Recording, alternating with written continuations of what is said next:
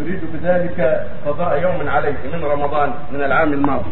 وبعد أن انتصف النهار بلغه أن هذا اليوم هو أول يوم من أيام رمضان. فهل صيامه يجزئ عن اليوم الأول من أيام رمضان ام أم لا يجزئ؟ لا له اجر إن شاء الله ولكن لا يجزي لا عنده ولا عنده لا يجزي عن قضائه ولا يجزي عن رمضان. لا عن قضاء لأنه صادف رمضان ولا عن رمضان لأنه ما نوى ولا ماله بالنية. وعليها قضاء ذلك اليوم